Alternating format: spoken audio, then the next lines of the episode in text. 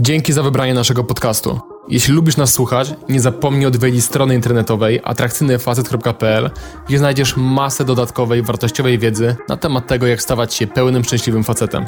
A teraz już zapraszam do słuchania. Witajcie panowie. Dzisiejszy film ma nieco inny format, dlatego że nagrywam ten film głównie z okazji moich 28 urodzin. Wiem, jestem już bardzo stary, które w momencie, kiedy oglądasz ten film, obchodziłem prawdopodobnie kilka dni temu. Jako, że ostatnio bardzo dużo myślę na temat tego, jak moje życie do tej pory wyglądało i jak chciałbym, żeby wyglądały kolejne lata, uznałem, że w ramach takiego odwróconego prezentu urodzinowego opowiem Wam o moich wnioskach na temat tego, czego żałuję z moich pierwszych kilku dorosłych lat życia. I te pierwsze dorosłe kilka lat życia traktuję jako to, co wydarzyło się w momencie, kiedy wyprowadziłem się z mojego domu rodzinnego, gdy miałem 19 lat i zacząłem prowadzić niezależne życie na własną rękę. Uważam, że właśnie te, wtedy zacząłem to dorosłe, prawdziwe, tak jakby życie.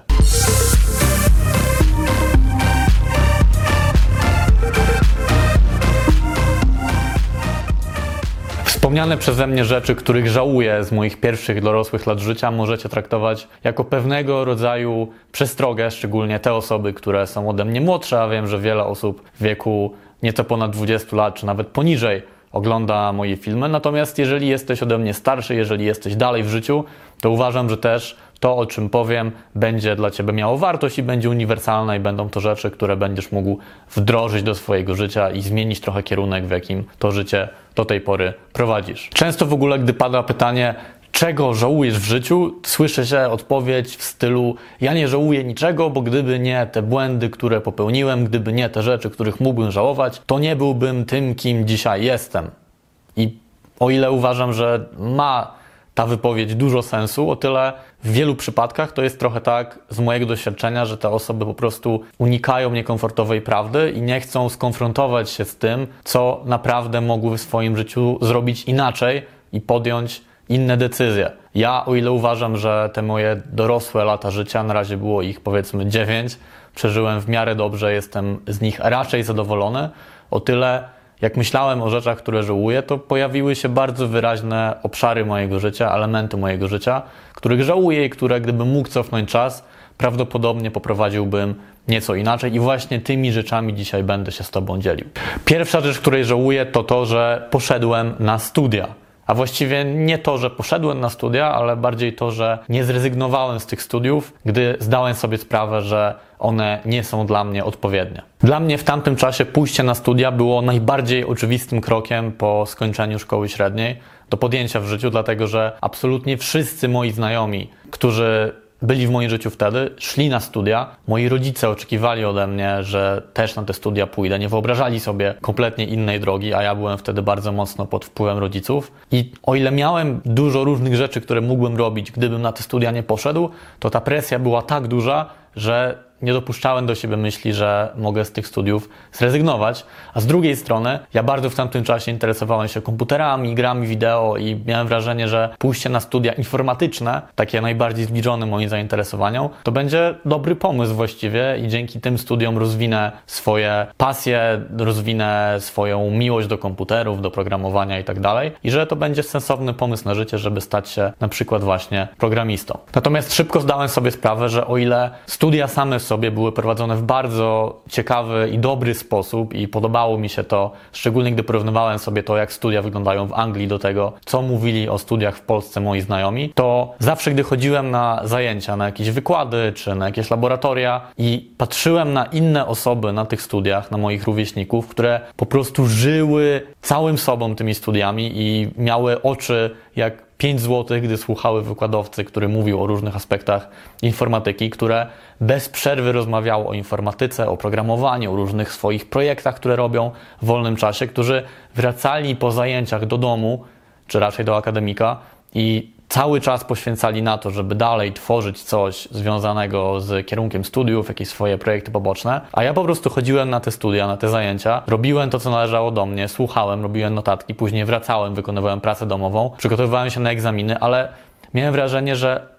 większość osób na, tych, na tym kierunku żyje tymi studiami, że to jest dla nich po prostu esencja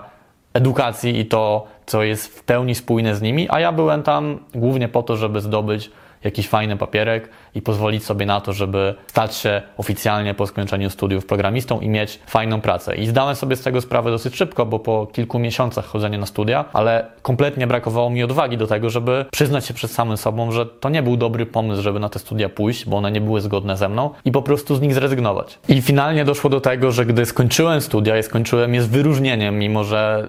z każdym kolejnym miesiącem tak naprawdę interesowały mnie coraz mniej i większość przedmiotów, na które uczęszczałem, kompletnie nie było w nich niczego, co by mnie jakoś pasjonowało. Zdałem te studia z wyróżnieniem, ale byłem tak wykończony tymi studiami i tak bardzo miałem je w nosie, że nawet nie pojechałem odebrać mojego dyplomu i wziąć udziału w ceremonii zakończenia studiów. I z jednej strony miałem takie poczucie, że skoro już wyjechałem do Anglii, skoro już zacząłem studia, to głupio będzie z tego rezygnować, więc z każdym kolejnym miesiącem czułem, że im dalej w las, tym głupszą decyzją będzie rezygnacja w tym momencie ze studiów. A z drugiej strony robiłem równolegle tyle różnych rzeczy. Założyłem też moją firmę na bodajże drugim roku studiów, albo pod koniec tego drugiego roku studiów, więc miałem alternatywę w postaci innych projektów, innych działalności, innych pomysłów na życie. To jednak ten koszt tego, że już zainwestowałem tyle czasu i tyle też pieniędzy w te studia, przeważył nad tym, plus brak odwagi do podjęcia radykalnej decyzji do zmiany mojego życia,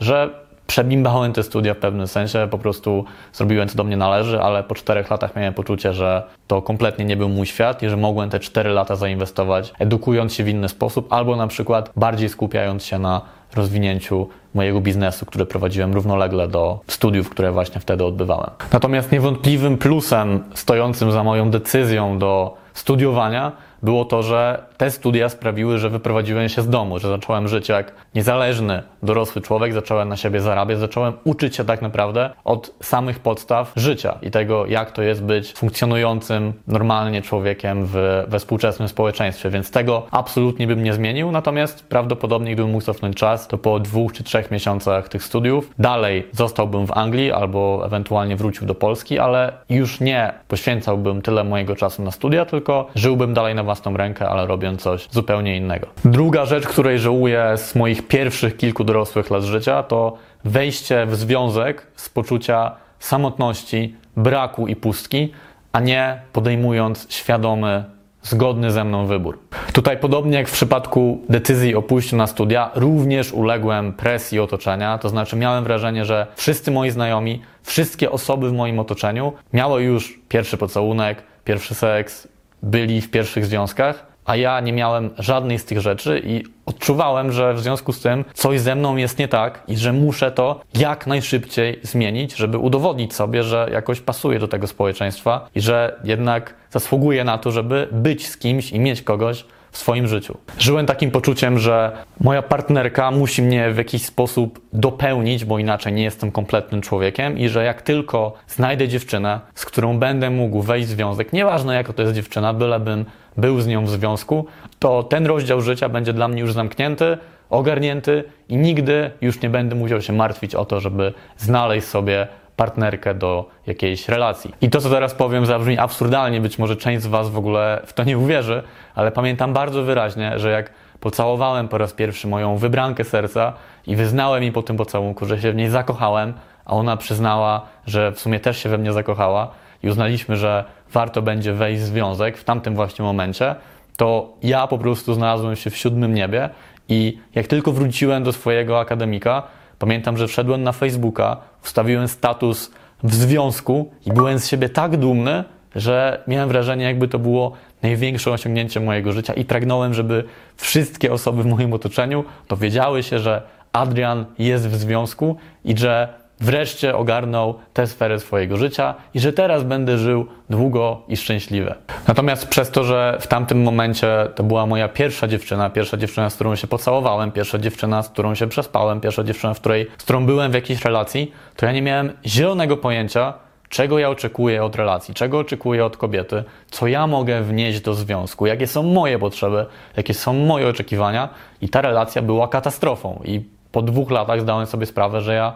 w pewnym sensie zmarnowałem te dwa lata życia na relację z kompletnie niedopasowaną osobą, relację, która nie była w ogóle perspektywiczna. I o ile moja pierwsza dziewczyna jak najbardziej była dobrą osobą i bardzo ją ceniłem i uważam, że nie ma w niej niczego złego, to po prostu nie byliśmy do siebie dopasowani, a ja przez to zaślepienie tej potrzeby bycia dopełnionym i tego, żeby mieć przy sobie za wszelką cenę kogoś, nieważne kogo, tego nie zauważałem. Więc gdybym mógł cofnąć czas, to na pewno dałbym sobie więcej czasu na to, żeby mieć okres poznawania różnych dziewczyn, wchodzenia w różne relacje, tak żeby lepiej zrozumieć, jak ten rynek matrymonialny wygląda, jakie są rodzaje kobiet, jakie są rodzaje relacji, co ja mogę zaoferować, co ja lubię, czego ja nie lubię i tak dalej. Na szczęście w tym przypadku ten okres przyszedł właśnie po zakończeniu mojej relacji i zakończenie tej relacji sprawiło, że zdałem sobie sprawę, że no jeżeli nie zrozumiem, czego oczekuję, jeżeli nie poznam wystarczającej ilości kobiet, no to nie ma szans, chyba że będę miał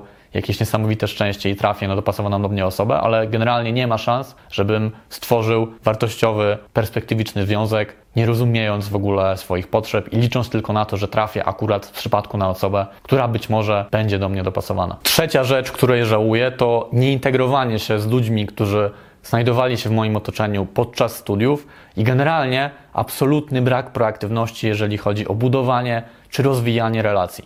Mimo, że spędziłem na studiach 4 lata, to z tego okresu nie mam tak naprawdę żadnych przyjaciół, żadnych wartościowych relacji, właśnie dlatego, że ja nie dość, że nie wykazywałem się proaktywnością, to jeszcze bardzo aktywnie unikałem tych ludzi, czyli wykazywałem proaktywność, ale nie żeby jakąś relację stworzyć, tylko żeby za wszelką cenę uniknąć szansy na to, żeby jakaś relacja powstała. I to wynikało po pierwsze z tego, że wychodziłem z założenia, że nie będę się przecież komuś narzucał, bo jeżeli ktoś chce mnie poznać, ktoś chce zbudować ze mną relację, to na pewno sam to zainicjuje, przyjdzie do mnie z taką propozycją i będzie się o to starał. A po drugie, wynikało to zwyczajnie ze strachu przed innymi osobami, obawą, że ktoś sobie o mnie coś pomyśli albo że mnie nie polubi, więc lepszym rozwiązaniem było kompletne unikanie ludzi niż narażanie się, wystawianie swojej osobowości na to, że ktoś mnie nie zaakceptuje i w mojej głowie nieustannie panowała analiza, co powiedzieć, jak się zachować,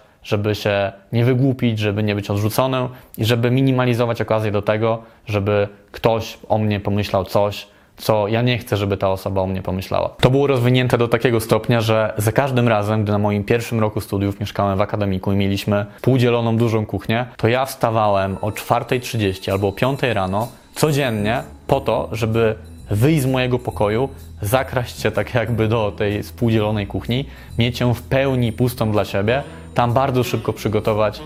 całe, wszystkie posiłki na cały dzień, po to, żeby zminimalizować szansę na to, że będę musiał wejść z kimś z tego akademika w interakcję, bo to był idealny czas, gdzie z jednej strony o tej 4.35 ludzie już wrócili z imprez, spali sobie smacznie w swoich łóżkach, a po drugie, to nie była jeszcze tak wczesna pora, żeby osoby, które nawet wcześniej wstają, były już na nogach i chciały robić coś w kuchni, więc ja wykorzystywałem to godzinne dwugodzinne okienko do tego, żeby wejść do tej kuchni, mieć spokój, nie musi do nikogo się odzywać, nie myśleć o tym, co do kogo powiedzieć. No i w ten sposób bardzo sprytnie unikałem szansy na to, żeby kogokolwiek poznać. Później natomiast jak wszedłem w relację z moją dziewczyną, to znalazłem się z nią w takiej bańce i wychodziłem z założenia, że skoro ona jest w moim życiu, no to możemy absolutnie cały swój czas spędzać ze sobą, nie musimy robić niczego innego, nie musimy poznawać innych ludzi, no bo przecież mamy siebie. No i przecież na tym polega prawdziwa miłość, prawdziwy, wartościowy związek, żeby każdą swoją chwilę oddawać sobie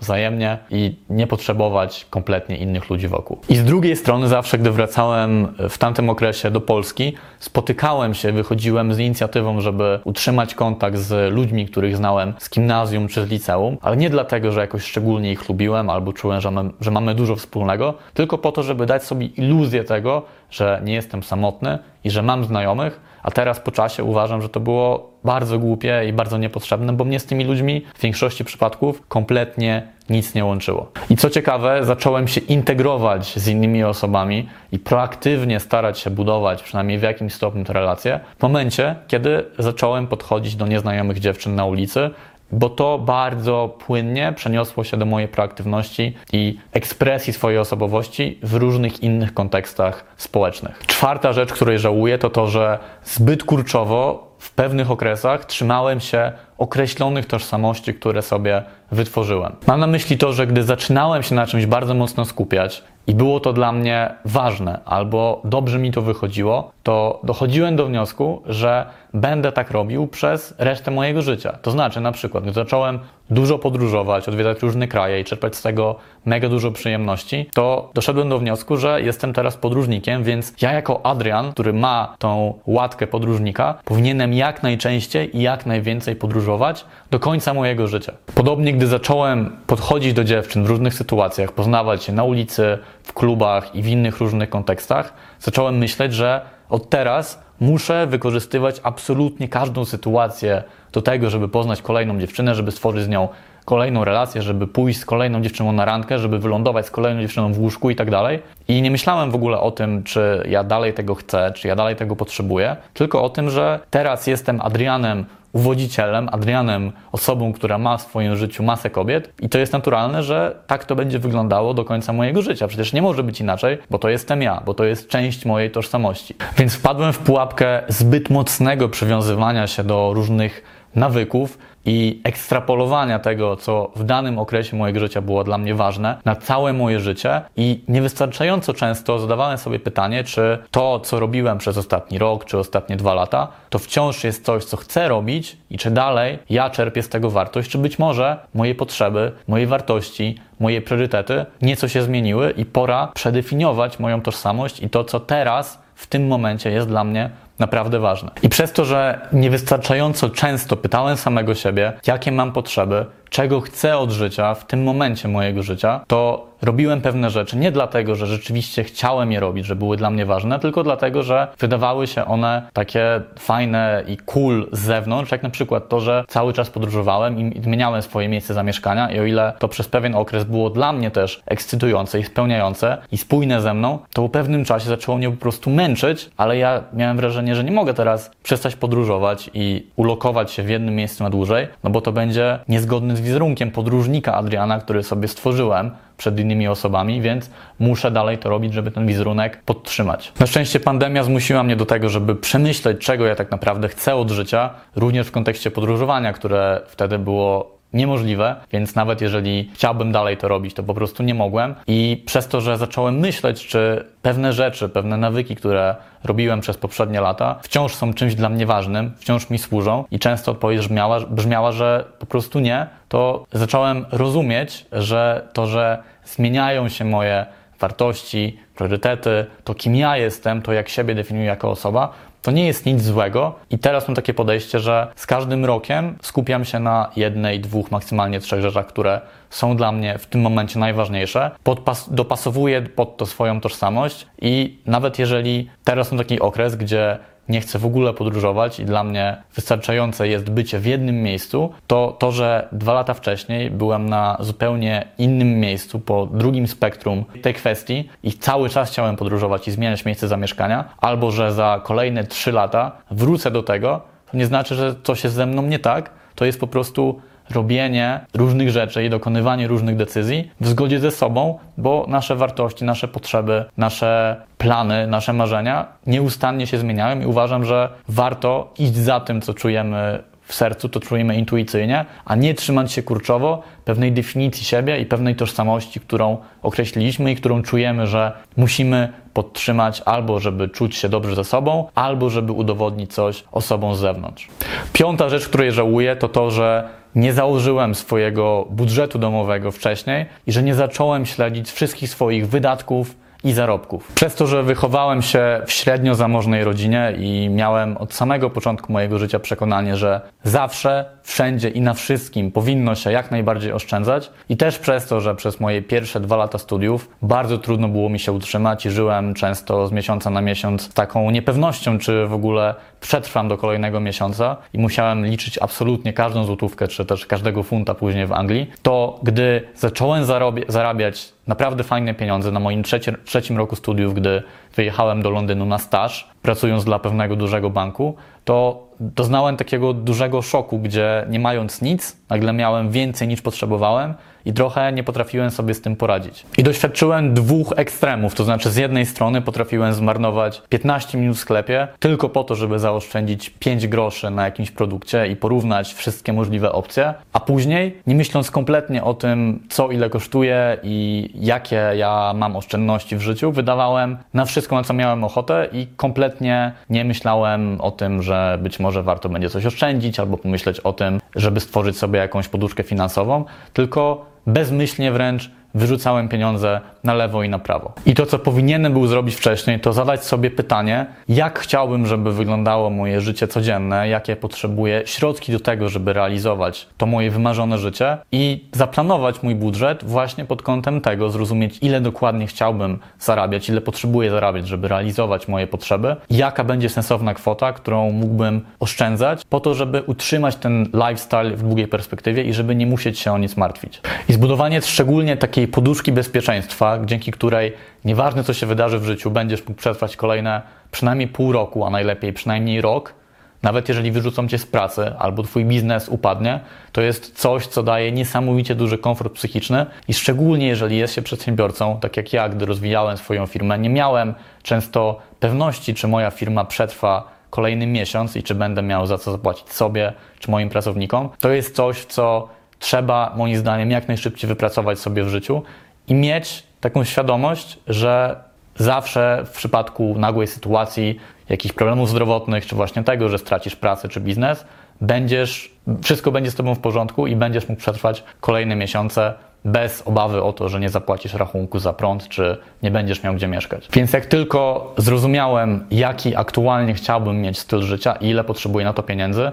założyłem sobie bardzo prosty arkusz budżetowy, gdzie śledziłem wszystkie wydatki każdego dnia, gdzie wiedziałem, ile zarabiam, czy ile mogę zarabiać w kolejnych miesiącach, ile chciałbym odkładać. I taka prosta rzecz, taki prosty nawyk, który zajmował mi dosłownie 5 minut każdego dnia, zbudował kolosalny komfort psychiczny w moim życiu, więc jeżeli jeszcze nie masz takiego arkusza, czy nie korzystasz z jakiejś aplikacji do zarządzania swoim budżetem, to zrób to w tym momencie. Gwarantuję Ci, że to będzie jedna z najlepszych inwestycji czasowych i pod kątem Twojego komfortu psychicznego, jakie mógłbyś podjąć w całym swoim życiu. Szósta rzecz to to, że nie zacząłem wcześniej dbać regularnie o kondycję swojej skóry. Ja, gdy dorastałem, panowało w moim otoczeniu przekonanie, że facetowi tak jakby nie przystoi dbać o skórę swojej twarzy, no bo to nie jest wcale męskie i wystarczy, że raz na jakiś czas umyję sobie twarz wodą, wytrę się jednym ręcznikiem, nieważne ile razy go używam, że do jakiejś części ciała go używam i nie muszę używać żadnych kremów, żadnych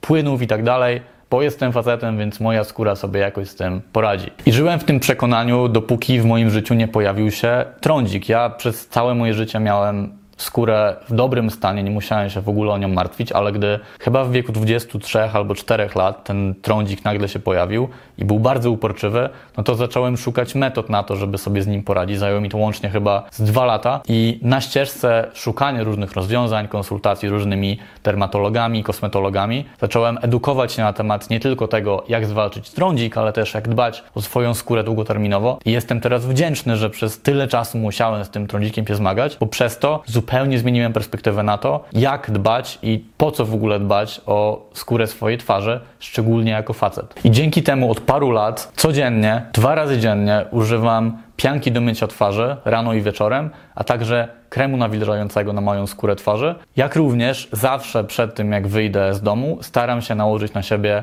krem z filtrem antysłonecznym, który ponawiam zawsze, gdy wracam do domu i później znowu wychodzę, tak żeby za każdym razem moja skóra miała tą powłokę ochronną. Nawet jeżeli jest zima i wydaje się, że niebo jest zachmurzone, to również w takich sytuacjach ten krem nakładam. I robię to nie tylko po to, żeby czuć się komfortowo i dobrze z tym, że moja skóra jest czysta i sucha i w dobrym stanie na co dzień, ale też po to, że to jest inwestycja jaką ja czynię w kontekście tego, jak będę wyglądał, jak będzie moja skóra wyglądała za 10, 20, 30, 40 lat, bo jest to jeden z najlepszych sposobów na to, żeby nie tylko uniknąć różnych chorób skóry, ale też sprawić, żeby ta skóra dobrze wyglądała nawet w podeszłym wieku. Polecam Wam, żebyście zobaczyli sobie eksperyment, który wykonał pewien mężczyzna, który przez wiele lat smarował tylko jedną część swojej twarzy kremem z filtrem i dbał o nią,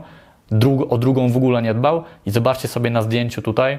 jak ogromna jest różnica, jeżeli chodzi o to, jak on po tych kilkudziesięciu latach dbania o jedną część swojej twarzy wygląda, a jak źle wygląda ta druga część. I ostatnia rzecz, której żałuję, to to, że w moim życiu, w tych pierwszych dorosłych latach mojego życia, było zbyt dużo struktury, zbyt dużo planowania, zbyt dużo analizowania, a za mało spontaniczności. To jest coś, z czym walczę do dzisiaj i co dotyczy chyba każdej możliwej sfery mojego życia, zarówno jeżeli chodzi o podróże, jak i sprawy związane z moją karierą zawodową, czy relacje i tak naprawdę cały czas, gdy jestem w sytuacji, gdzie sobie coś zaplanowałem, postanowiłem, a nie udało mi się tego zrealizować, albo gdy nagle pojawia się coś nowego, czego nie przewidziałem, jakaś okazja, żeby gdzieś wyjechać, albo żeby podjąć się jakiegoś nowego projektu, albo żeby poznać jakąś nową osobę, to wciąż czuję się niekomfortowo z tym, że sobie sam tego nie zaplanowałem i widzę, jak wiele różnych fajnych potencjalnie sytuacji, okazji, ludzi ominęło mnie właśnie przez to, że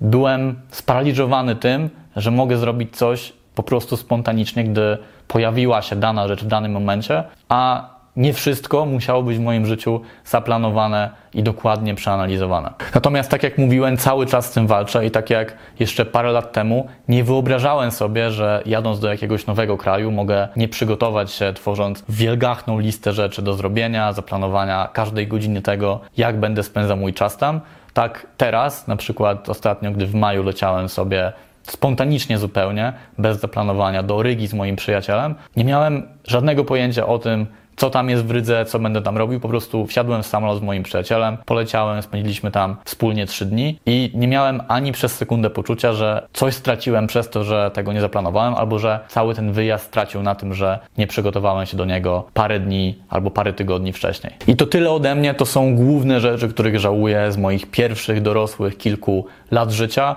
Mam nadzieję, że taka formuła Ci się podobała. Daj znać w komentarzach, co o niej myślisz. Podziel się również tym, czego Ty żałujesz ze swojego życia, zarówno z tych młodych, pierwszych lat dorosłości, jak i generalnie z całego swojego życia. Natomiast jeżeli jeszcze nie subskrybujesz mojego kanału, to koniecznie zrób to teraz. Kliknij w przycisk subskrybuj, a także w dzwoneczek obok tego przycisku, tak żeby nie ominęły Cię żadne kolejne materiały na moim kanale, a Zapowiadam, że szykuję bardzo różnorodne, ciekawe formaty, których jeszcze na tym kanale nie widzieliście, więc zdecydowanie warto jest śledzić to, co będzie się działo w kolejnych tygodniach i w kolejnych miesiącach. Raz jeszcze dzięki za uwagę i widzimy się w następnym filmie za dwa tygodnie. Na razie.